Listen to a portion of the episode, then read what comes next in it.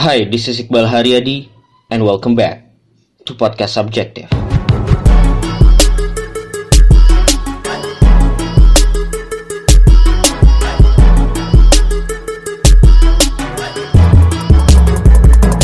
Sekarang tanggal 14 Desember 2018 Gua sekarang bersama teman gua juga Silahkan perkenalan dulu namanya ya namanya ya sama sih Iqbal juga tapi Iqbal Maulana Em, udah udah mulai apa gimana sih ini? Ya, udah mulai, udah, udah udah mulai mulai. Udah mulai. udah nama Iqbal Maulana gue dari Advertisa Digital Agency ya semacam apa ya jasa biro periklanan lah di Facebook sama Ya. Instagram gitu deh gampangnya Ya, dulu pertama kenal di mana ya, Bang? wah kalau nggak salah emang kayak gara-gara campaign sih sebenarnya Oh, oke. dulu yang campaign apa ya berapa tahun dua tahun lalu deh kalau nggak salah Campaign yang lu jadi campaignernya? Iya, gue jadi Oh. campaigner yang tim kontak gue. Iya, iya, iya. Gue ketemu lu gitu ngobrol. Oke. Yes. Jadi Iqbal nih punya agency ya. Agency punya lu kan? Mm-mm. Ya. Iya. Lu apa acting as CEO? Iya, Chief Everything Officer. Asli. Jadi eh, didiriin dulu eh, berapa tahun ya? Kalau misalnya nama advertisenya sih sebenarnya udah empat tahun setengah mungkin lah. Cuman resmi jadi PT-nya baru tiga tahun setengah. Oke. Itu didiriin sama dua orang, gue Hmm. sama teman gue untuk dulu. Sebenarnya dulu cuma lempar-lemparan proyek aja. Istilahnya gue ngerjain sendiri dia juga Sebenarnya personal awalnya. Personal. Ah. Terus akhirnya makin istilahnya seru gitu kan. Ya. Terus udah mulai ada kedatangan beberapa klien yang mengharuskan PT gitu. Oke. Akhirnya ya udahlah kita resmiin aja PT. Ya udah googling dikit gimana cara bikin PT, besoknya jadi PT. Hmm. Langsung diurus. I see. Menarik nih. Sebenarnya Nah. pertama oh ya lu, lu mungkin gak aware ya nggak apa-apa juga sih. Mm-mm. Eh, ya sebenarnya justru pertama gua tahu lu tuh dulu banget sih. Oh, tuh?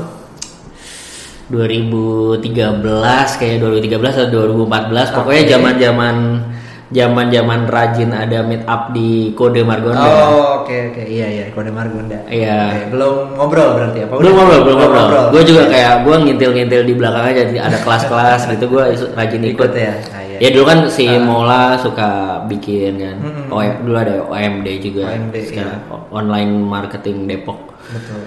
Iya gitu jadi eh, 2013 itu gua udah mulai kayak rajin ngikut eh, meet up meet up Ha-ha. digital marketing gitu. Dan waktu itu kan masih gue masih kuliah di UI kan. Ah, jadi kayak masih yang di seputar Depok lah nggak nggak nggak jauh-jauh ke Jakarta. Dan salah satu kelasnya waktu itu yang ngisi lo gitu. Oke. Wah, Iya dari, dari gue ingat gue ingat.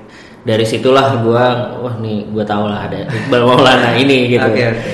gitu sih. Tapi Nah. sebelum itu kayak gua waktu itu juga ngeliat kayak wah gila nih bocah banget mukanya.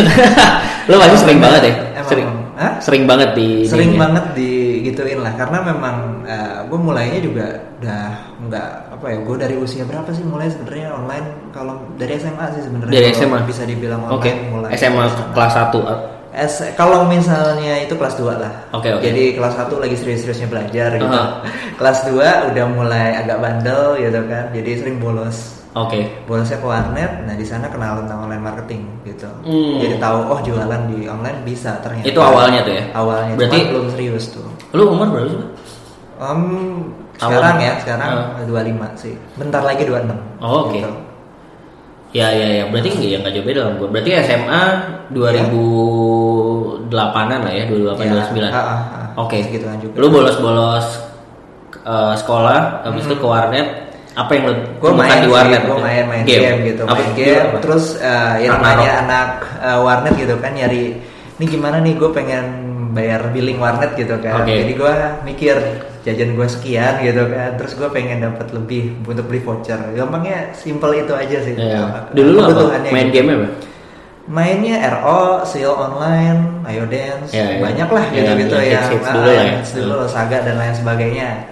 Terus ya keinginannya juga pengen dapat uang tambahan aja dari online gimana caranya beli jual beli item game sampai Hmm. akhirnya dari sana gue kepikiran oh ternyata bisa loh jualan lewat online gitu. Cuman belum serius. Eh, cuman yang penting dapat uang billing atau voucher aja lah Hmm. gitu. Baru di kelas 3 gue kayak eh, mikir karena dulu eh, pilihannya gue pengen kuliah atau enggak. Nah, Oke. gue nggak kuliah nih. Lu nggak kuliah? Gue posisinya nggak kuliah. Sebenarnya waktu SMA karena nilai tryout gue bagus gue dapet kayak semacam beasiswa gitu di salah satu kampus di Bekasi. Istilahnya uang gedung sama uang berapa semester udah free gitu kan. Lo SMA juga di Bekasi? iya di Bekasi.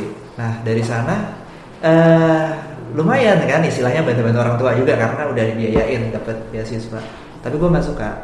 Oh jadi Karena- udah sempat kuliah Ah, sebenarnya? bukan nggak karena dapat jurusannya akuntansi malah. Oh, I see. dan gue nggak suka akuntansi. Jadi eh, sempat istilahnya mikir kan ini mau dilanjutin apa enggak. Kalau gue ambil juga akhirnya daripada nggak bener nanti jurusannya nggak sesuai yang gue mau. Tadinya gue mau di DKV soalnya. Oke. Nah, cuman kan DKV biayanya juga cukup tinggi waktu itu. Iya. Eh, terus gue pikir-pikir nggak usah lah. Gue rencananya mau istirahat sebentar tahun setahun gitu kan. Hmm. sambil istilahnya ngumpulin uang sendiri untuk DKV Eh, pengen kayak gitu istilahnya Oh, gue ah. nyari uang tambahan toh gue udah bisa ngasilin duit waktu itu meskipun istilahnya masih dikit gitu Oke. jauh dari mainan kaskus bikin lapak di kaskus itu dulu kayak gitu I see. Itu yang zaman-zaman SMA dulu. Iya. nih. Berarti zaman SMA lu jualan apa di kasus?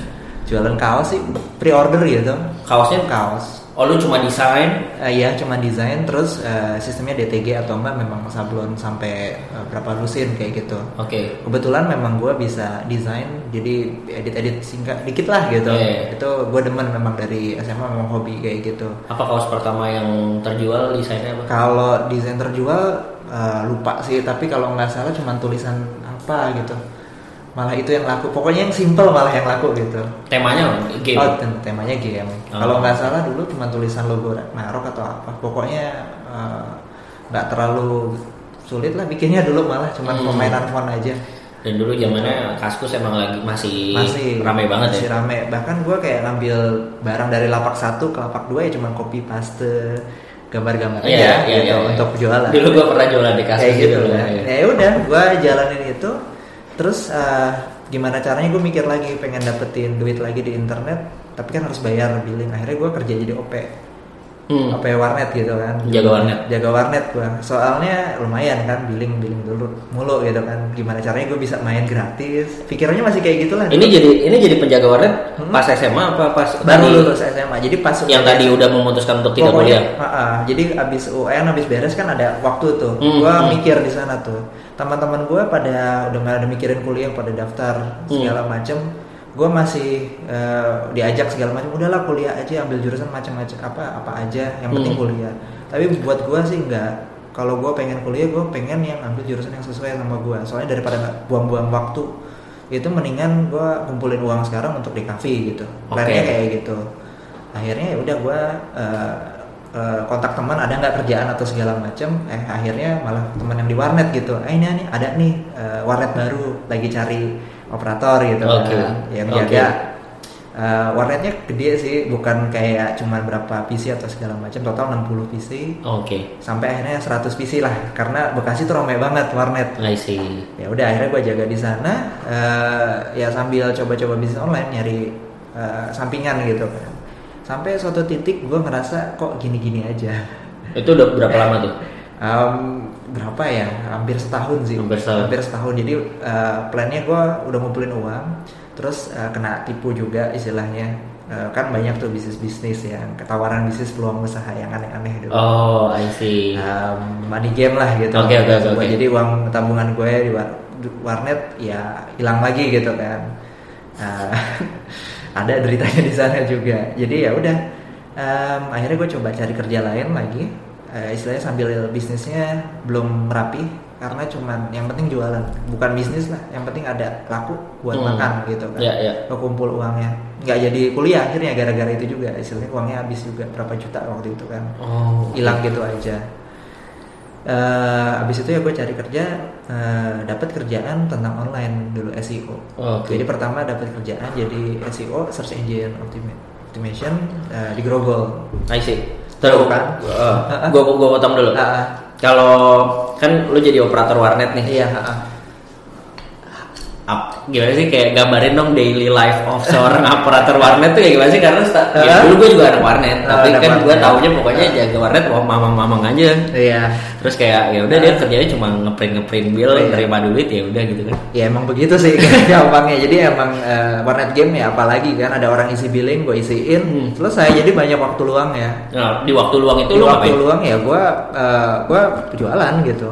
Gue Oke. bikin artikel segala macam dulu. Belum tahu istilah SEO, tapi gue taunya gimana caranya artikel gue ada di halaman satu Google dulu. Mikirnya gitu. oke Jadi orang ketika orang nyari apa, pokoknya gimana caranya lapak gue ketemu atau eh, website gue ketemu gue main blogspot gitu. Jadi jadi tetap eh, tujuannya eh maksudnya lu tuh effort untuk kayak yang penting supaya si halaman bisnis jualan lo itu Ah.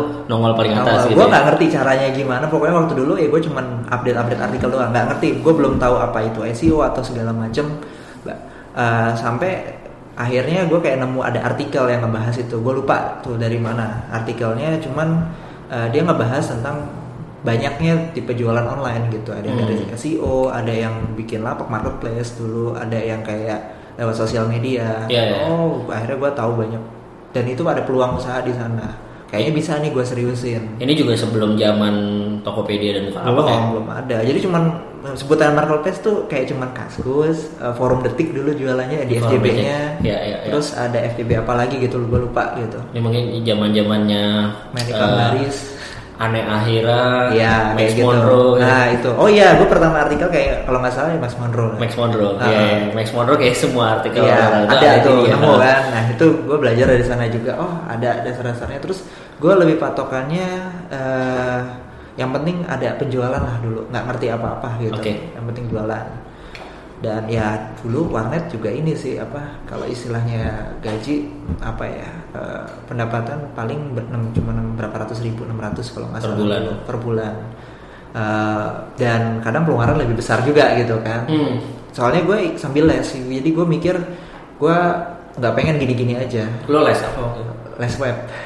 Oh, oke. gimana Online. cara bikin web? Karena dulu gue kepengen cita-cita gitu lah. Waktu kecil pengen jadi developer game nggak Oke. kesampean Oke, oke, oke. Terus, Online apa eh, web datang. kebetulan deket dari warnet itu lokasinya. Oh, jadi gue pas ngeliat oh ini kayaknya bagus deh. Habis itu gue belajar dari guru gue pertama Pak Edi F Rianto di sana di Digital Studio. Itu gue Mhm. belajar di sana. Oh jadi gue tahu dasar-dasarnya. Di situ nemu istilah SEO oh habis itu gue googling baru cari tahu oh ternyata banyak. Nah pas lagi googling googling ya itu yang gue bilang tadi. Gue nemu kerjaan kayak gitu.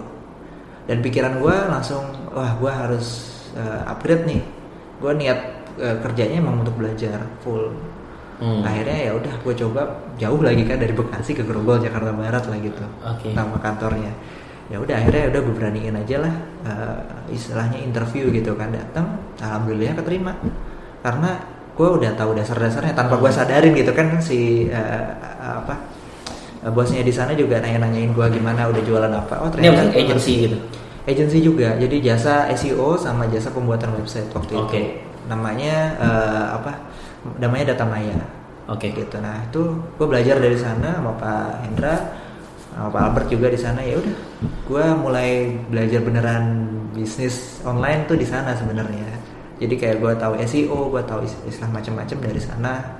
Dan ya gue ketemu teman-teman internet marketer juga dari sana. Yang gue itu gue dulu dikenalnya malah SEO sebenarnya bukan Oh Facebook gitu, awalnya justru SEO. Ah, ah.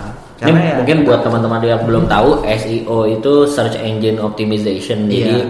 itu istilah untuk sebuah teknik yang gampangnya adalah gimana caranya supaya uh, artikel lu tuh ketika di search keyword tertentu nongolnya paling atas. Jadi Iya. misalnya lu punya artikel membahas tentang uh, cara meng- menguruskan badan misal gitu. Tips menguruskan badan gitu. Iya. Nah, ini SEO ini teknik-teknik yang digunakan supaya orang ketika search tips menguruskan badan yang paling atas itu artikel lo. ya Gitu. kurang lebih kayak gitulah Ya. Nah terus eh, bisnis gue itu kan masih kaos tuh. Mhm. Jadi waktu gue bisnis, eh gue kerja di Data Maya pun gue masih jalan bisnis kaos, bikin pre-order dari game-game gue masih sering main gitu. Habis itu eh, gue ketemu lagi gitu tentang Facebook dulu. Jadi Facebook Ads segala macamnya itu gue belajar dari sana. Ternyata untuk bisnis gue kebetulan waktu itu kan bisnis gue kaos. ternyata bisnis kaos itu memang lebih cocoknya di uh, Facebook Facebook Ads. karena kaosnya gue ada temanya kaos game Oh, gitu kan Jadi oke. nah Ya. jadi uh, peralihannya di sana tuh I see. Jadi- ini tahun berapa? wah uh, 2000. 2012 kalau nggak salah sih Oke. gue udah mulai mainan Facebook Ads eh Facebook biasa lah. Facebook Ads akhir dari sana. Facebook masih berjaya banget lah pokoknya. Iya dulu masih jarang juga yang mainin gitu untuk ads-nya itu masih sepi Ah, waktu dulu oke, masih nggak sebanyak sekarang gitu kan. Iya iya iya ya. Oke. Gua gua potong lagi di Ah, situ. Ini ah. agak mundur lagi. Iya. Ketika lo memutuskan untuk nggak kuliah, respon orang tua lo apa? Ya sampai gua tinggal di warnet. Oh gitu. sampai marah-marah intinya lah. Oke. Kok kenapa? Kok eh, eh, udah ada kuliah kayak gitu, udah ada Kesempatan. kesempatan di sia-siain gitu kan ya udah Em, bilangin baik-baik juga susah orang tua kan niatnya adalah baik juga kan Iya. sebenarnya gimana caranya biar anaknya ya pintar segala macam dan nggak ngerti maunya kayak gimana tapi gue bisa ngeyakinin dia kan gue udah ada pendapatan dari sana gitu cuman Hmm. tetap aja eh, itu kan nggak pasti ya soalnya dari keluarga besar nggak ada yang pebisnis sebenarnya Iya, iya, iya, semua iya. adalah karyawan gitu jadi gue yang kayak ngedobrak gitu deh Hmm, plus mungkin Nah. asumsi gue ya, Iya. orang tua lu juga susah kan dijelasin. Susah. Maksudnya dijelasin bisnisnya pun bisnis internet kan. susah susah susah Nggak jelas juga. Nggak jelas. Kalau bisnisnya mungkin jualan bakso mungkin kayak masih. mungkin masih agak diterima gitu Ah, ini apa sih nggak kelihatan bisnisnya Iya, iya, iya. kerja nggak sih gitu juga Di warnet doang di ya. warnet doang terus apa kata tetangga itu kan biasa gitu kan Hmm. masa anaknya kerja di warnet aja kan nggak tahu dia kayak gimana nya ya itu Tapi emang- buat lu Ah. sebagai anak yang berumur 17, 18 ya nggak sih kayak lulus lulus SMA kan. iya Kenapa lu bisa yakin banget gitu kayak eh tuh? ya udah gua nggak nggak usah kuliah lah gitu. oh eh Apakah lo emang seyakin itu pada saat itu Oke. atau sebenarnya kayak ya udahlah? karena nggak ada gitu kan. Hmm. Kalau misalnya yakin dari SMA emang gue aktif di organisasi sih sebenarnya. Oke. Dulu gue ketua jurnalistik waktu di SMA, terus gue anggota osis juga. Jadi lebih ke PD aja sih jadinya gitu. Hmm. Jadi kayak gue udah yakin gue bisa eh, jualan sendiri. Alasannya juga ya gue waktu di sekolah juga sering jualan. Oke. Ini nggak boleh dicontoh sih sebenarnya. Jualan ini apa eh, apa tugas gitulah. Oh. Teman-teman malas ngerjain, gue Jasa, bikin jasa. presentasiin gitu. Gue bikin PPT-nya gitu, Oh. PowerPoint-nya. Bagus itu. Jasa. Jadi pokoknya gue sangat suka ketika teman-teman gue remedial. Ah. Karena mereka bikin eh, kayak makalah lagi. Nah itu gue yang cariin di internet. Nah lalu gue dapet duit dari sana. Wah menarik banget. Tapi dulu lu jual ini ini agak ini. Ah, ya, lu jual ke teman-temannya kayak gimana? Eh lu gue ini aja tapi lu bayar gitu nggak? Ah, enggak. Mereka yang datang ke lu. Satu sekolah itu satu angkatan gitu yang ngerti tentang PowerPoint atau internet itu ya cuma dua orang gitu. Gua kan IPA, temen gua ada yang IPS gitu. Jadi kita bagi eh, bagi teritorial sebenarnya. Oh. Gua bagian IPA. Ya tapi berarti demandnya dari dari masyarakat dong. dari itu ah, permintaan gitu. Permintaan. Soalnya yang kayak ngerti eh, PowerPoint terus ngerti setting proyektor dulu kan Iya, sekolah iya, masih iya, kayak itu gitu. wow banget ah, wow. Jadi gua doang. Jadi kalau misalnya ada masalah tentang internet bahkan guru-guru nanya ke gua. Oh, oke. gitu jadi uh, agak ke branding di sana dan guru-guru yakin menarik. jadi kayak uh, waktu ada momen gini kan pas lagi kuliah gitu ap- apa yang dia bagi-bagiin inian kuliah apa brosur Ah. kampus-kampus gitulah. Terus sampai gurunya bilang "Eh, yang lain kuliah gitu ya tapi kalau misalnya Iqbal nggak usah lah udah bisa dia gitu. Oh, Eh, bercandain bercandain tapi gue akhirnya pikiran gitu. Eh, Apa ya gua nggak usah kuliah? apa gue nggak usah kuliah aja sekalian. Soalnya dengar-dengar waktu dulu yang kuliah pun belum tentu gitu kan belum tentu bisa lebih baik daripada yang nggak kuliah mikirnya gue Oh, gitu Menarik nih. oh ya istilahnya dulu gue masih kepikirannya begitu sih kalau kalau lu yang sekarang ah. menilai lu yang dulu, ah. do you think nekat sih sebenarnya uh, do you think it's naive aja kayak ya udahlah Iya. gue gue agak ekstrim kalau gue mundur ke belakang gue lihat diri gue sendiri ekstrim sih gitu kan yang lain pada langsung cari kuliah gue udah enggak udah niat aja udah yakin gitu kan Hmm, hmm. gue bisa nyari duit sendiri gue bisa dapetin penghasilan sendiri dari apa yang gue mau menarik. dari hobi gue gue pengennya kayak gitu Ada hal lain di luar, maksudnya Hmm. ada faktor lain nggak kayak mungkin apa tuh mungkin mungkin lu pernah baca sesuatu yang membuat lo yakin gitu? nah itu enggak sih Enggak ada ya? Enggak kan kayak misalnya cerita tuh kayak dia ngelihat motivasi siapa atau teman kayak gimana Iya, enggak ya? Enggak karena eh, salah satu hal yang gue itu gue tadinya pengen langsung bikin bisnis bahkan. Waktu lulus SMA bareng sama teman gue gitu kan. Dulu bisnisnya pengennya distro gitu kan. Hmm. karena eh, gue ngerasa yakin waktu eh, acara pentas sekolah kan gue yang bikin proposal. Proposal pengajuan ke brand-brand. Oke. jadi permintaan modal segala macam itu gue yang ngurus. Modalnya cuma internet doang nyari tahu. Makanya oh ternyata bisa loh dapat duit dari orang lain gitu tanpa uang sendiri. Hmm. jadi istilahnya oh ternyata bisa dapetin kayak gitu dapet investor atau segala macam itu waktu SMA kelas 3 udah kepikiran kayak gitu. Sampai eh, gue coba oh ternyata nerima tuh ditolak-tolakin. Gue ngajuin proposal pengajuan untuk pembuatan distro atau segala macam nggak ada yang diterima. Akhirnya gue gue coba sendiri di online gitu. Itu awalnya. Eh, udah gitu, gitu. Oke, oke. Sampai akhirnya ya udah lo lo memutuskan ya udah di warnet aja. di warnet aja karena istilahnya duit juga udah habis Oke. terus ya satu eh, penjualan gua kan cuma dari online gua nggak ada Ah. laptop gua nggak ada komputer dulu Oke. jadi semua full di warnet gitu Oke. Terus eh, ini sebelum lanjut ke tadi kan udah Ah. sampai kerja sebenarnya. iya ha. Tapi hubungan sama orang tua membaiknya kapan? Um, cukup panjang nggak Panjang ya? banyak alasannya eh, kenapa karena masih di warnet kan butuh eh, waktu gitu kan istilahnya tapi orang tua udah tahu gua di warnet gitu istilahnya Hmm. kan sempet hilang gitu kan Oke. oh tapi pas udah tahu ya udah oh, di warnet gitu masih aman gitu Eh, abis itu udah dapat kerja yang di Grogol itu baru baik karena istilahnya udah Oh, kerja oh, kerja beneran nih, ngantor gitu ya. gitu kan jadi si orang tua juga udah oke gitu Oke, itu udah udah, Udah lumayan oke, turning point ah, lah ya. ah, ah. Oke oke. Terus jadi lanjut kerja di sana berapa lama? Hmm, setahunan juga sih. Oke. Jadi eh, eh, setahunan ya di sana belajar gitu. Oke. Tuh, Sampai apa ya di sana belajarnya SEO, eh, belajar optimasi website, edit-edit website singkat gitu. Pokoknya dasar-dasar juga sampai nanganin klien gitu. Hmm. Jadi di sana emang udah terbiasa eh, ngerjain proyek orang lain gitu deh. Oke. Yang dikerjain dulu macam-macam. Ada busana muslim gimana caranya ketika orang ngetik uh, baju gamis gitu, baju gamis pesta misalnya, itu ada di halaman satu uh, Google gitu kan. Ya ya. Uh, produknya dia. Itu ya gue optimasi dari proses editing artikel supaya mudah ditemukan di uh, Google gitu. Sampai sebutannya ada link building. Jadi gimana caranya si websitenya tersebut mudah ditemukan di eh, apa ya network yang lain gitu. Ya. Jadi di dipromosiin nih gampangnya. Itu sampai kayak gitu. Macam-macam dulu ada mobil, rental mobil, jual beli mobil, baju, eh, supplier bantal, macam-macam lah dulu Oke. yang dikerjain gitu. Dan di situ juga lo akhirnya ketemu sama si Facebook Ads. Ketemu di Facebook. Kenal dengan. Facebook Ads. Nah. Nah, eh, jadi kan makin banyak tahu tentang bagaimana cara ngasilin uang lewat online gitu kan. Ternyata banyak medianya. Nah, nggak cuman yang gue tahu dulunya gue sangka cuman SEO aja gitu. Oh nyari duit lewat online dengan cara orang nyari di Google terus ditemuin. Udah yang gue tahu itu. Oh ternyata ada lagi. Jadi pakai paid traffic atau kita berbayar gitu kan Yap. lewat Facebook gitu waktu itu. Tadinya gue mau Google sih sebenarnya Google AdWords namanya. Hmm. Cuman uh, dulu posisi kan gue belum 20 tahun untuk mulai kayak gitunya tuh. Karena uh, jadi gue belum punya kartu kredit.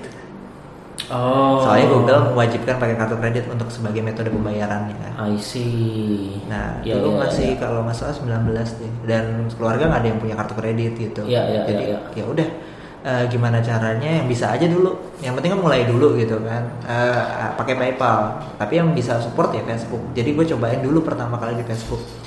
Nah, ini beginner luck juga sih. Jadi pertama kali nyobain langsung profit gitu. Oh, Oke.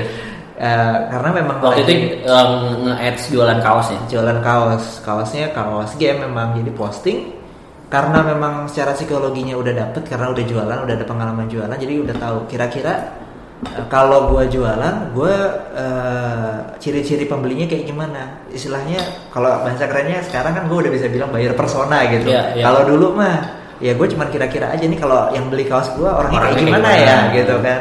oh kira-kira ya orang yang main di basket juga gitu kan Suka usianya game. berapa Hmm. yang bisa transfer oh ya dulu gue belum punya rekening bank juga jadi gue minjem temen rekeningnya waktu mulai orang transfernya ke ke temen gitu gue ngambil manual sampai kayak gitulah Oke oke oke, super beginner banget lah. jadi ya udah gue coba belajar di sana dan eh, kalau sekarang kan udah banyak lah kayak eh, online course atau segala macam berbahasa Indonesia. Kalau dulu nggak ada kan. Jadi gue belajarnya memang dari luar semua. Nyari artikel-artikel di luar. Hmm. untungnya waktu sekolah bahasa Inggris gue lumayan lah. Cukup lah. lumayan gitu lah. Jadi yang penting bisa ngerti gitu. Ya udah jadi eh, terbantu gitu. Berapa akhirnya profit pertama, ads pertama? Gua kan ya semua mulai mulainya kan satu dolar gitu Ah. kan. dulu sedolar ya sedolar lah dulu. Dapat penjualan tiga kaos di beberapa jam pertama. Yang berarti profit tuh sekitar 90 ribu hampir 100 ribu lah. Ya, jadi 10 kali lipat gitu Ya, kan. ya, ya. wah lu seneng gitu kan. Wah ternyata lebih enak kayak gini. Kalau misalnya di SEO gua nunggu kan Ya. jadi nunggu ada orang yang cari kaos gua lalu dapat gitu Kalau ini nyamperin ke Betul. Kadang-kadang kalau misalnya di search engine gitu, kita kan tidak tahu orangnya butuhnya seperti apa, waktunya berapa lama. Pernah kayak gue nolak orderan dia minta kaos sampai berapa ratus, ya gue nggak bisa tanganin. Supplier gue belum siap waktu itu. Dan kadang ada penjualan, kadang enggak. Ya. Hariannya kan nggak ta- tentu. Tapi kalau menggunakan Facebook Ads, itu gue bisa atur mau berapa besar dan bisa istilahnya gue bisa lebih kontrol. Makanya gue demen di Facebook Ads waktu itu ya, karena Hmm. memang gue bisa kontrol trafficnya.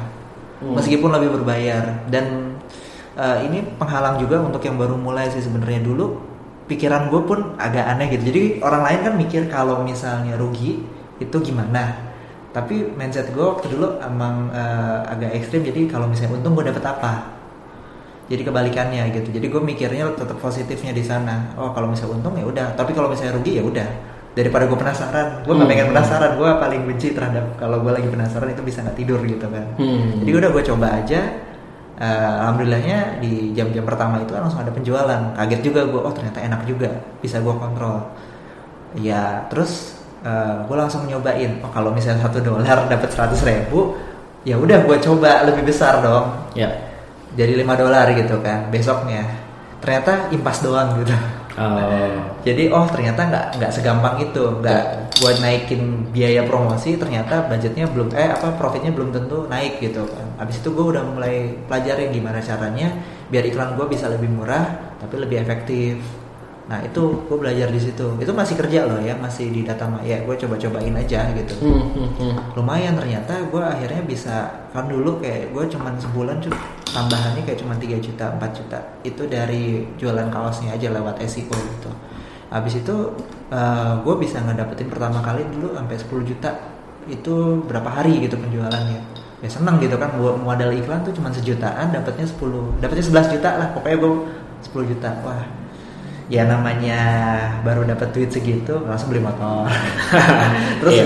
ada duit lagi langsung beli HP gitu Iya, ganti iya, HP iya. masih pokoknya masih Awal-awal banget lah. awal-awal banget pengennya dapetin apa langsung dihabiskan lagi Iya, kalahnya iya, di iya. sana habis itu eh, ada momen nggak laku jadi jualannya rugi gitu kan jadi gue udah iklan berapa ratus ribu nggak ada yang beli dan uang lagi habis gitu. Wah ini nggak bener juga. Ternyata kalau bisnis kita harus ada modal juga modal tertahannya. Dulu mikirnya oh buat modal diputerin lagi. lah. ada yang Nah. dikip akhirnya ngerti gitu dari Oke. pelajaran ke sana. Akhirnya coba diperbaiki lagi tentang keuangannya. Akhirnya mau nggak mau gue belajar akuntansi yang gue bete waktu dulu tuh Hmm. penghitungan uang akhirnya oh ternyata bisa di manage kayak gini Ini berarti masih pokoknya masih, sendiri lah ya. masih sendiri coba Mainan sendiri. doang. mainan sendiri yang penting ada pemasukan aja Ini waktu dulu udah lu belajar dari mana aja selain dari internet apa nyari-nyari artikel gitu-gitu? ya udah di situ aja Belum Dulu meet up belajar gitu-gitu belum ada ya? belum belum baru eh, setelah gua udah cobain udah dapat penghasilan baru ketemu teman-teman nah itu jadi gua diajak dulu kan SEO ada Hmm. yang kayak ngundang gua untuk sharing aja gitu. Oke. di namanya pesantren bisnis kebetulan di Grogol juga deket. Ya udah gua sharing gimana gua eh, naikin website klien ke halaman satu Google eh ternyata apa ya gua sharing itu menarik buat mereka. Makanya gua lumayan dikenal waktu itu. Oke. uh, friendlistnya naik tiba-tiba gitu kan. Ya, ya, ya, oh ya udah sering dipanggil kopdar. Gue juga demen kan ikut kopdar. Dulu pun gue setiap ada acara ya udah uh, duduk aja di belakang ngikutin. Oh kayak gini. Ternyata uh, banyak pelajaran yang gue belum tahu akhirnya pas kayak gitu gue belajar Facebook lebih dalam lagi ke Mas Novi Bayu Hermawan Hmm. tuh dulu sempat ada proyek bareng juga sama dia. Saya sambil hitung-hitung belajar gitu kan. Udah tanganin klien juga dari Facebook. Tapi gue tetap fokusnya ke toko online gue waktu itu Hmm. untuk dapetin ya penjualan gitu. Sampai akhirnya eh gue ada bisnis kaos apa segala macam tambah-tambahannya lagi tuh lumayan udah ngasilin yang istilahnya udah jauh lebih besar penghasilan gue daripada gaji gue waktu itu makanya abis itu eh, kan harus milih fokus yang mana nggak bisa Iya. kita ambil dua-duanya gitu kan akhirnya eh, ngobrol lah sama si bosnya yang di Maya gitu Pak Indra terus ya udah dia support ya udah gitu kan Eh, abis itu ya udah gue keluar terus ya gue lanjutin bisnis toko online gue gitu kan Oke, ini kerjanya dari mana? Dari rumah. iya dari kos-kosan aja lah Oke. kos-kosan eh, itu semua gue kerjain gitu. Modal internet aja. modal internet. Bahkan dulu kan belum rame tuh dropshipping atau kita ngambil dari supplier terus jual lagi gitu. Ya. belum belum rame tuh kayak gitu. Tapi dulu gue nggak sengaja aja sih nemuin. Pokoknya gue mikir gimana caranya gue bisa modalnya minim gitu kan tanpa gue harus eh, stok atau segala macamnya. Akhirnya gue nyari partner. Gue muter tuh di daerah Grogol eh, print DTG Oke. supplier. Habis itu gue ngajak ngobrol gue udah punya aset gue jualnya kayak gitu gue udah ada aset. Waktu itu gue ngomongnya fanpage kan. Fanpage eh, untuk bisnis ada belum ada IG dulu tuh. Facebook aja. Ini ada udah berapa ribu follower gitu gue bilangnya. Gue udah jualan ke sini macam-macam. Cuman gue butuh partner untuk jadi supplier gue ya. nah, produksi. Alhamdulillah dapet juga tuh. Udah akhirnya mulai dari sana. Semua order gue yang jalanin jadi pagi gue setup iklan udah siangnya nah balas-balasin customer Ya, ya. habis itu udah dapet uang akhirnya gue baru bisa ngaji karyawan satu itu untuk CS balas-balasin doang habis itu Dulu karyawan pertama lu siapa? em, teman sih Teman juga. Oke. teman jadi kenalan dari teman sih sebenarnya jadi teman eh, punya temennya lagi baru keluar kerja ya udah mau nggak tapi kerjaannya eh, gini nak jawab jawabin doang oh, ya dia oke ya udah dia eh, kerjanya juga di rumahnya dia gitu kan habis iya. itu dia pindah kerjanya di, di supplier gue gitu. Oke. jadi ya udah. Itu awalnya kayak kes- ke sana. Akhirnya gue punya waktu luang untuk belajar lebih banyak lagi di sana. Jadi eh, mulai tuh gara-gara gue jualan kaos itu kan lumayan lah istilah pendapatannya. Pernah sampai di momen puluhan juta wak dalam seminggu gitu. Hmm. untuk jualan kaos. Omset ya bukan profit. Jual jaket segala macam. Itu gue senang banget gitu untuk dapetin kayak gitu. Nggak gue nggak nyangka bisa ngasilin kayak gitu dan mulai muncul orang-orang yang kayak bal bantuin gue dong gitu Hmm. gue juga pengen jualan gitu Iya. di online oh ya udah Orang dulu udah lihat lu ternyata bisa sukses. bisa gitu Eh, Mereka mau dibantu juga jualannya. Iya, nggak bisa nggak? Ya udah, sini deh budgetnya. Waktu itu beneran bantuin aja. Ah. Satu, dua, tiga, terus dapat testimonial, dia dapatnya gede gitu kan. Oke. Wah, ya udah, seneng kan. Terus eh, akhirnya kepikiran kenapa nggak dijadiin bisnis juga gitu loh, dijasain gitu waktu itu. Jasa pasang iklan lah. Ya. Nah, dari sana eh, mulai tuh tambah. Gue nggak jualan apa, gue cuman dari mulut ke mulut aja. Akhirnya gue sering juga diundang ke apa seminar atau workshop Iya, iya, untuk iya, sharing jadi pembicara. aja, jadi pembicara. Gue juga bingung. gue nggak ada basic jadi pembicara atau trainer atau kayak gimana. Bahkan waktu gue SMA pun gue males ngomong di depan. Aslinya eh, introvert sih sebenarnya gitu. Hmm. Jadi kalau nggak penting-penting banget gue nggak ngomong gitu. Oke. Nah pas itu dijorokin sih sebenarnya. Jadi ya itu Novi Mas Novi Bayu juga itu bilang eh, ngegantiin dia dia sakit waktu itu sakit apa asma kalau nggak salah untuk ngisi di Cirebon. Ya udah gue datang ngegantiin dia. Dia bilangnya tuh pesertanya sedikit kayak cuman berapa puluh orang 40 kalau nggak salah. Oke lah gue nggak apa-apa gitu. Pas nyampe buka pintu ada kali 200an orang sampai 300an orang gitu. Ini kampus apa apa? Eh, kayak on eh, bisnis BDR namanya komunitas lah gitu. Oh komunitas. Oke. Nah itu lucunya di sana udah akhirnya gue berani ngomong itu di jorokin gitu. Mulai eh, sharing-sharing sebagai pembicara untuk sharing tentang Facebook Ads, Instagram dulu kayak gitu. Dan akhirnya malah yang lebih besar sekarang agensinya gitu. Oke. Em, ya itulah. Akhirnya bisnis sekarang masih jalan. Kalau yang kaosnya enggak.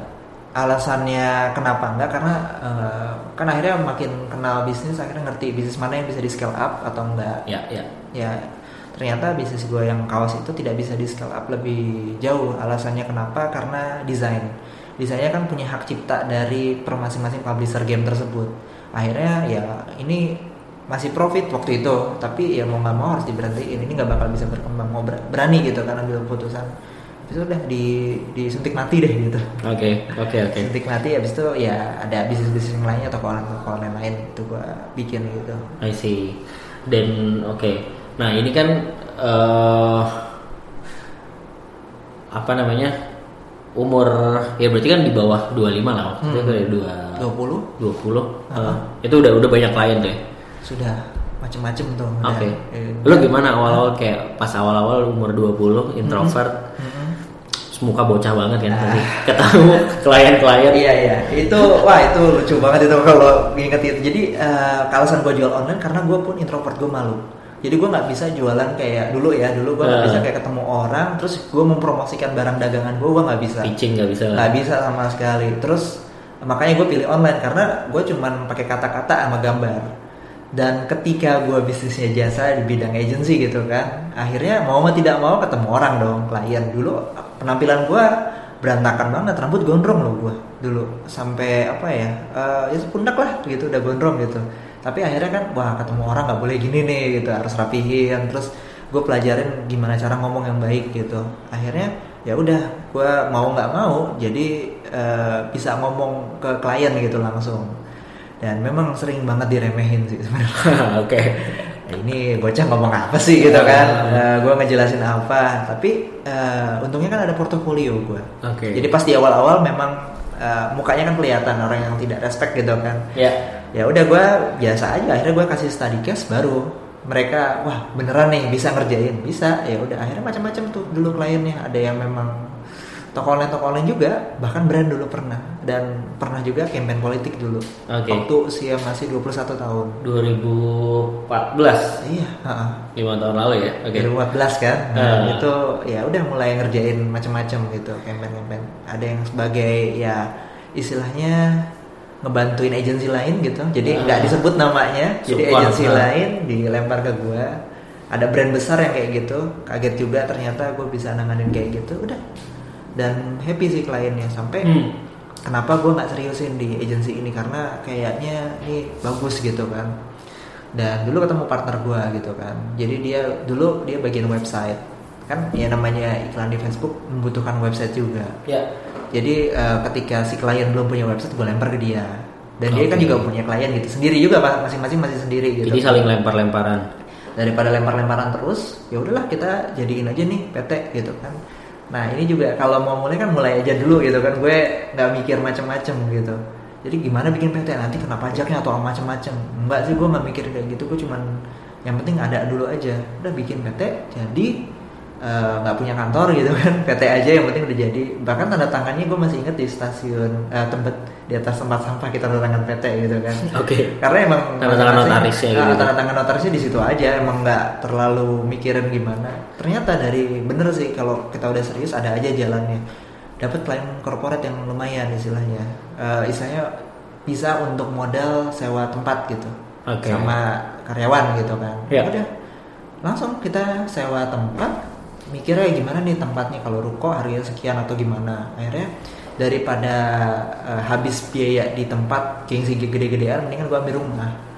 Hmm. jadi ngambil rumah di daerah Duren Sawit gitu kan. Terus ini juga apa? Terus gimana caranya biar terkesan lebih bonafit? Ah, gua ngambil virtual office di kuningan gitu kan. Jadi keren gitu kan. Ya udah gua ngambil dua kantor jadinya. Dan lebih efektif kayak gitu. Udah dan nggak kepake juga virtual office nya nggak ada yang ketemu di sana juga akhirnya ketemunya semua di cafe ya buat inilah buat branding buat aja branding aja gitu nah ya awalnya kayak gitu sampai nambah eh, awalnya langsung hire dua karyawan tiga karyawan terus sekarang berapa tim Eh, kalau sekarang total kalau orang ya total Hmm. 14 sih sebenarnya. Oke. Cuman yang kayak di kantor terusnya itu cuma 9 gitu. oh sisanya Sisanya ada yang eh, istilahnya freelance gitulah atau yang kita kalau dibutuhin aja kita panggil Hmm. gitu. Itulah ceritanya Oke. sampai sekarang advertising. dan sekarang juga pasti berkembang lagi ke Instagram Ads juga Iya, jadi eh, apa ya? Intinya sih diniatin sharing sih waktu itu. Jadi gua nggak mikirin. Jadi gue belum tahu gimana caranya untuk promosi jasa agency atau segala macam. Yang gua pikirin adalah gue bisa sharing ke banyak orang dulu karena dengan gue sharing makin banyak yang kenal gue terus makin banyak klien mikirnya gitu aja ternyata itu cara yang benar gitu kan. Jadi ngasih value dulu untuk dapetin hal yang lebih bagus lagi. Akhirnya tuh udah gue bikin grup Facebook gue bikin eh, apa ya dulunya kayak list email gitu gitulah Ah, Oke. gue bikin grup Facebook namanya Facebook Marketing Enthusiast. Istilahnya eh, teman-teman yang pengen belajar Facebook Ads. Di sana gue sharing ngumpulin eh, teman-teman dikumpulin di sana karena dengan gue kumpulin itu gue bisa posting apa pun nantinya pikiran gue gitu tapi di awal memang murni sharing-sharing aja dan ternyata di grup tersebut ada orang Facebook dan gue nggak tahu itu gitu. Oh, oke. Orang yang Orang- maksudnya karyawan Facebook. karyawan Ah. Facebook gitu bukan karyawan juga head of SMB nya Facebook dulu Iya, dan nggak tahu gue pas gue sharing sharing kebetulan ada event Facebook ya udah gue dateng gue dateng nggak disangka ternyata dia yang nyapa gue gitu kan. Oh kenal loh kok kenal gitu kan. Iya saya udah ngikutin lama di grup kamu bilang gitu. Oh eh, abis itu nggak nggak percaya gitu kan. Emang beneran abis itu gue cek bener ternyata udah member sejak lama. Wah gitu kan. Jadi gue langsung gue mikir kan. Gue nggak nyangka. Terus gue langsung review. Gue ngajarin bener nggak ya waktu itu dan ternyata benar jadi dia emang eh, suka waktu gue ngajarin ya sharing sharingnya bener gitu sesuai dengan term of service Facebook jadi kan gue emang nggak main ngakalin atau black hat atau apa memang full white hat Hmm. jadi memang eh, ada respect di sana Dia, gitu dia sebenarnya semi semi ini juga ya mematai. mematai gitu kan Ngelihat ada yang main-main akal ya. Ah, ah, jadi ya udah dari sana kayak gue dapet support langsung dari Facebook. Jadi memang dipercaya sama Facebook. Dan sampai sekarang eh, tahun lalu gue jadi Facebook preferred partner. Jadi memang sudah resmi sebagai agensi yang terpilih. Waktu dulu kan cuma tiga gue salah satunya. Habis sekarang udah belasan yang agensi yang jadi partnernya Facebook. Dan eh, Oktober lalu juga kayak gue dapet eh, kayak semacam masuklah ke grupnya agensi se Southeast Asia jadi levelnya. Hmm. bulan Oktober lalu. Jadi I ya see. gue memang kan bener sih kalau kita sharing ke banyak orang nggak mikirin apa nanti ada aja rezekinya ya itu salah satunya. Jadi gift, gift dulu baru Ah. nanti gift lah. Iya ya itulah Kayak sekarang dan apa ya hmm, klien juga sekarang bukan lagi kayak toko online biasa tapi udah brand-brand yang dipegang Hmm. macam-macam gitu. Menarik. Hmm, gitulah. Oke, oke, oke, oke. Ya benar, benar, benar. Kalau dari sisi yang eh, ya kita share dulu, give dulu, baru kita ngambil gitu. Hmm. Ya, itu mindset paling benar sih. Iya, Eh, Ya karena secara tidak langsung juga selain kita ngasih value ke orang sehingga orang akhirnya ngasih value balik ke kita, Hmm. eh, bangun personal branding juga kan. Dulu gua nggak ngerti Iya, dulu lu pasti nggak ngerti, nggak- sih. sadar lah gitu. Ah, nggak sadar kebuat sendiri gitu kan Iya. akhirnya ya udah Ya, iya sebenarnya kayak case study case study di mana kayak akhirnya dari mouth to mouth itu kan Iya. eh, semuanya personal branding kan. Orang Benar. nyari kayak gue pengen nih ngiklanin di Facebook siapa yang bisa. Nah orang kan ingetnya mungkin oh ini si Iqbal Ah, nih bisa gitu. makanya terus gue mikirnya dulu dulu uh, gimana caranya biar gue dikenal satu aja Facebook Ads aja gue Oke. nggak sampai sekarang gue nggak belajar Google AdWords nggak.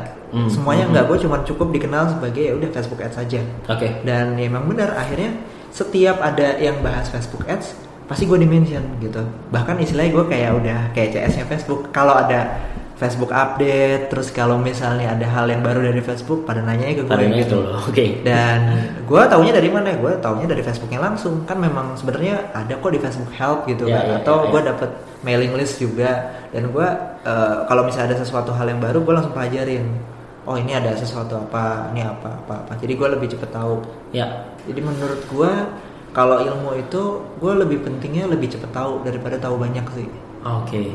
Jadi Oke. emang dari dulu gimana caranya gue bisa pokoknya tahu duluan gimana caranya Yap. supaya gue bisa coba duluan dan akhirnya gue bisa praktekin duluan. Dan internet dan sosmed sangat membantu itulah. Ah, ah, bener banget gitu. Cepet pokoknya perubahannya. Yes, yes, yes, yes. Iya, gue gue personally sih sangat apa ya, sangat suka lah dengan dengan culture uh, internet marketing ataupun sebenarnya komunitas secara umum sih. Iya, Maksudnya iya. culture di mana semua orang tuh tahu sesuatu terus nge-share gitu, terus uh, ya saling saling memberitahu lah apa yang Iya. ditahu, saling sharing. Ada yang nanya bisa sambil jawab. Karena gue pun Mm-mm. eh, ya tumbuh dari sana gitu Iya. gue kuliah biologi kan sebenarnya gue kuliah biologi Iya. eh, ya gue mengerti digital marketing tuh dari dari grup-grup kayak gitu.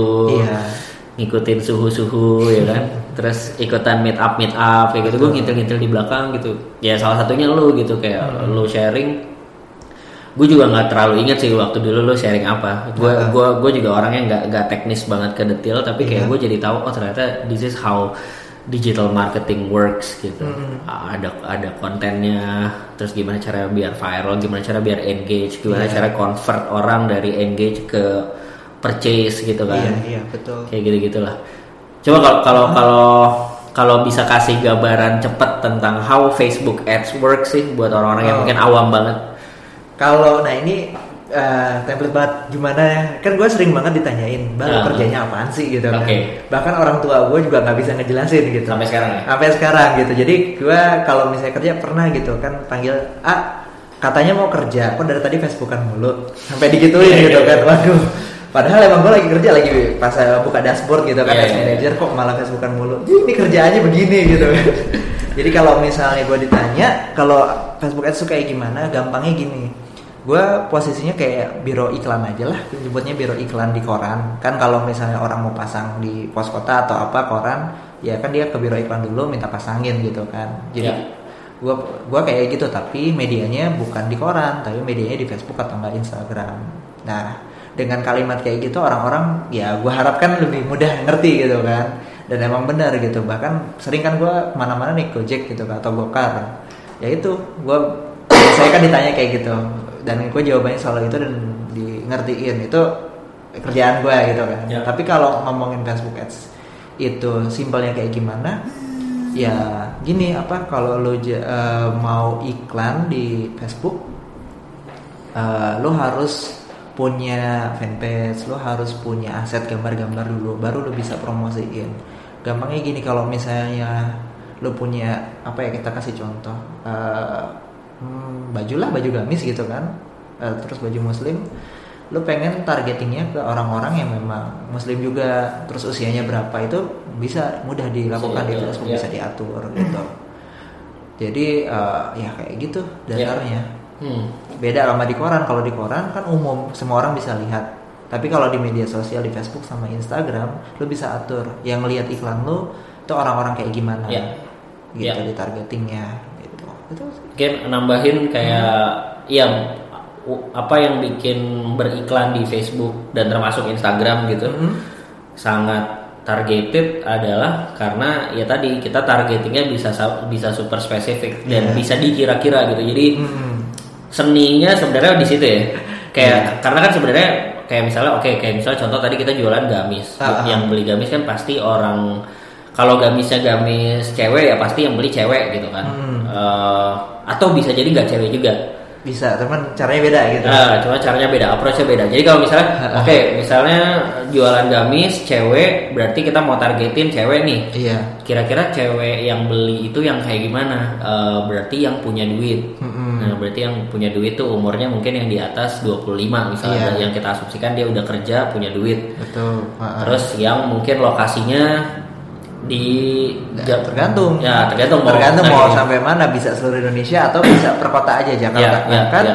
per wilayah bisa 3 km misalnya lu di, di Cilandak gitu kan Ya. di daerah Cilandak aja itu bisa Ya, bahkan bisa kalau juga. misalnya di Facebook tuh bisa sampai sedetail ini jadi gue misalnya mau jualan yang tadi gamis untuk wanita untuk uh, ibu-ibu yang baru menikah terus baru beli HP itu bisa sampai Oh, kayak oke. gitu baru beli Ya. HP jaringannya apa? HP-nya apa jaringannya lagi 4G misalnya lagi kayak Ya. gitu itu bisa sampai sedetail itu itu kan karena akan memfilter de- dengan asumsi kalau yang jaringannya 4G, HP-nya misalnya iPhone, Ah. berarti ini kelas atas gitu. kan. Betul, ya kayak gitulah. Jadi memang bisa dikira-kira di Facebook. Baru awalnya memang kita kalau misalnya mau belajar Facebook Ads, em, basicnya apa sih sebenarnya gitu kan? Itu sebenarnya ba- basisnya psikologi sih. Karena Facebook Ads itu mempelajari manusia kan, bagaimana manusia berperilaku, lalu dia tracking tentang kesukaannya seperti apa. Ketika kita makin mempelajari manusia itu seperti apa, maka ket- ketika kita mau terjun di eh, Facebook Ads itu itu gampang. Gitu. Jadi eh, ilmunya ilmu lebih mengerti manusia. Jadi jangan fokus ke bagian teknisnya. Hmm. gue juga sebenarnya ya aslinya kan kalau misalnya di- orang lihat gue orang teknis orang teknik banget lah. Bisa Iya. sampai detail ngomongin funnel alur skema segala macam. Aslinya enggak. Gue eh, lebih ke psikologinya maininnya dari dulu. Jadi mau Facebook update kayak gimana pun nggak masalah karena gue udah ngerti fundamentalnya seperti apa. Jadi Ya. psikologi itu yang pertama. Yang kedua memang komunikasi jadi eh, ketika nulis copywriting gitu kan, jadi eh, sales letter atau seperti apa, lo harus pahamin tentang bagaimana berkomunikasi dengan seseorang. Ya.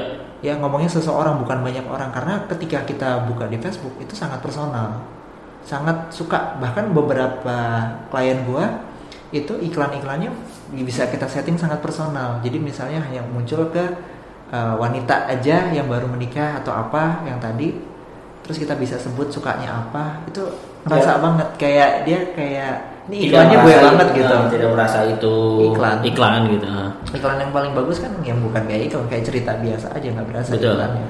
Jadinya itu bahkan ada yang kayak ngelihat iklannya tuh kayak mukjizat gitu. Beneran ini. Kasusnya dulu ada yang study case eh, kayak semacam seminar gitulah. Gua eh, klien gua tentang seminar, terus gua datang ke seminar tersebut.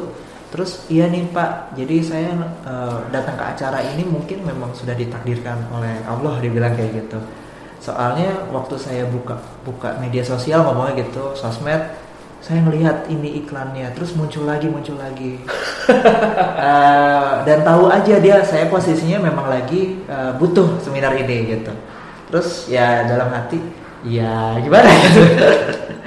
Soalnya eh, ternyata emang efeknya sampai Iya, kayak iya, gitu iya. gitu. Dia merasanya Dia sangat ngerasa personal. sangat Padahal sebenarnya di balik itu ya karena kita mengerti psikologisnya Ah, ada ada ciri-cirinya ya kita bisa mengarahkan ke situ sebenarnya kan. ah. Ah. Jadi kayak iklannya tuh bener-bener gue banget disebutnya. Ya, ya.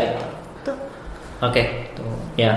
Iya, makanya kan ya mungkin sebagai gambaran tambahan kan mungkin Iya. di luar teman-teman yang mungkin tertarik mendalami nanti Facebook Ads atau digital Ah, ah. marketing yang lain eh, semuanya kan pasti aktif di sosmed ya di Facebook, di Instagram gitu. Maksudnya Hmm. kita sebagai konsumen juga sebagai users lah gitu, user konsumennya Iya. Facebook dan Instagram juga perlu teredukasi juga bahwa memang di Facebook orang bisa mem- apa ya menampilkan iklan setargeted itu gitu kayak even kalau misalnya kayak tadi misalnya case-nya si bapaknya merasa oh iya saya ngelihat ini berulang-ulang tuh karena kita bisa mukjizat gitu loh dia bilangnya. karena sebenarnya kita bisa retargeting gitu Betul. kita bisa menampilkan kita bisa ngeset iklan ini tampil di orang-orang yang memang sudah pernah ngelihat ini sebelumnya atau misalnya Iya. pernah datang ke website kita tapi Betul. nggak jadi beli gitu ah. jadi emang diulang-ulang gitu. teknisnya gitu kan jadi dia kok kayaknya eh, iklannya sesuai banget dengan kondisi dia saat itu ya itu jadi pertama dia sudah lihat video apa dulu video apa dulu. Terus baru ke halaman websitenya jadi kerasa banget dia eh, iklannya tuh kayak bukan yang annoying atau ngeganggu muncul mulu enggak. Tapi beda-beda konteksnya. Ya itu loh. tapi ujung ininya sama Betul. ngarahinnya sama. Arahnya sama kayak kok dari berbagai macam eh, informasi yang dia dapat mengarahnya ke satu tujuan gitu lah. ya ya ya ya. Betul. oke oke oke oke. Sampai kayak gitulah siap siap siap. oke terakhir nih bal. Udah mau sejam ternyata Oh, oke. gimana gimana? Em, buat teman-teman nih terutama sih gue mungkin ke lebih ke teman-teman yang di di mungkin yang tinggal di kota besar maupun terutama mungkin yang tinggal di kota-kota tidak besar kota-kota kecil gitu ya Ya. daerah gitu kan eh, sebenarnya internet dan sosmed kan sebuah sebuah apa ya sebuah kesempatan yang super baru yang yang sebenarnya sangat memungkinkan mereka untuk gak perlu ke kota lagi untuk Betul. Untuk mencari uang gitu kan Mm-mm. Eh, kalau misalnya ada teman-teman di daerah yang pengen mendalami lagi nih kayak oh gue kayaknya mau nih mengeksplor sebagai Facebook advertisers atau Iya. main dunia digital marketing apa yang yang bisa mereka lakukan untuk mulai dalamin lagi Kalau misalnya gue mulai dari awal dan posisi nggak ada apa-apa sekarang gitu Hmm, ya, hmm. dan posisi gue ya kalau kota besar udah gampang lah gitu kan. Ya. Tapi kalau misalnya yang kecil-kecil, jadi eh, semuanya sebenarnya udah ada di internet. Tinggal kita cari tahu nulisnya apa, keywordnya apa. Hmm. itu dulu jadi eh, untuk posisi sekarang apalagi sekarang itu Facebook udah makin dipermudah jadi udah ada yang berbahasa Indonesianya jadi kalau misalnya teman-teman mau mulai cara paling gampangnya sekarang googling gitu facebook.com slash blueprint Hmm. Jadi di sana memang udah ada tutorial-tutorial gratis dari Facebook juga. Oke. Jadi dia bisa uh, ikutin di sana, pelajarin dan mulai aja dulu kan ketika kita eh, bukan jadi mulai dulu. Bagus Jadi, jadi ya. mulai aja dulu ya. Jadi mulai aja dulu. Jadi uh, tinggal install aplikasinya uh, Facebook fanpage gitu kan, page manager dan itu ada tulisannya boost post atau promosikan halaman kalau misalnya Facebooknya berbahasa Indonesia. Itu gampang. Jadi tinggal kita klik tombol itu, nanti ada kayak semacam uh, tahap selanjutnya yaitu masukin targetingnya. Gampang kok gitu. Tinggal Ya. masukin kira-kira aja dulu. Untuk di awal nggak usah mikir terlalu jauh, nggak usah mikir terlalu teknis. Mulai yang ini aja apa mulai dikira-kira aja kalau misalnya ini orang mau beli belinya seperti apa orangnya seperti apa kayak gue mulai dulu kan nggak pakai riset atau segala macam yang penting jalan Insting dulu lah. insting dulu aja Ngira-ngira gitu. ngira-ngira ngira-ngira habis itu udah nanti dapat eh, pelajaran dari sana Ya. gitu itu itu aja sih Ya, kayaknya. dan sisanya sebenarnya ya learning by doing learning by doing dan learningnya juga uh, learning fast karena yang penting tadi benar as long as lo tahu keywordnya apa semuanya udah ada sebenarnya di sana kan. sama satu lagi banyak orang yang kayak siapin dulu kayak dia terlalu banyak persiapan baru mulai Oke. Kalau gua nggak gitu, gua yang penting eh, eh, selesai dikit jalan, selesai dikit jalan. Jadi nggak nunggu sampai benar-benar perfect lah gitu. Ya ya ya ya. Gitu. Ya itu yang gue lakuin sampai sekarang gitu. Oke. Pelan-pelan jalaninnya. Sip.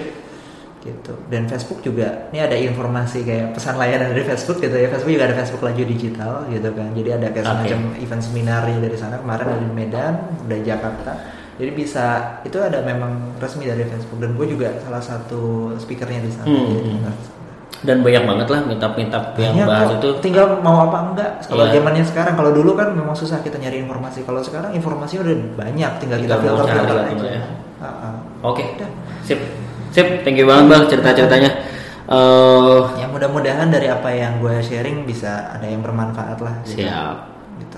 Terakhir Mm-mm. apa lo mau promote Instagram, Facebook? oh iya jadi kalau mau kita kontak-kontakan ngobrol atau mau tanya-tanya bebas gue ada di Facebook facebook.com slash eh, Iqbal Maulana com gitu. Itu bisa atau enggak eh, di Instagram gue aja lah. Jadi cari di IG Bal Maulana com gitu. Itu gue juga sering share tips di sana. Jadi kayak apa ya yang lagi update sekarang nanti 2019 Facebook seperti apa terus tips-tips pemula gue ada highlightnya juga. Jadi Oke. tinggal dicek di Instagram. Atau ya di Telegram gue juga ada tinggal searching aja Facebook Marketing Enthusiast itu grup gue yang tadi gue sebut itu gue sharingnya kebanyakan di sana ngumpulnya di sana Nice. gitu nanti linknya di gue kasih juga Ya, ya. Gitu. Nanti gue taruh juga. Oke. Mm-mm. Thank you bang. Mm-mm. Berarti klien 2019 Mm-mm. banyak nah 2019 ada lagi bahasa ya. Oke. Nah, Oke oke. Ya. Siap. Eh, itu aja teman-teman. Eh, Instagram kalau lo suka episodenya share di Instagram, di Twitter, Instagram gue @iqbalhp, Twitter @iqbalhp, email gue iqbalhp@gmail.com. Kalau lo pendengar Apple or iTunes, please give rating sama review biar lebih banyak orang yang tahu. So ya yeah, that's it. Please be subjective.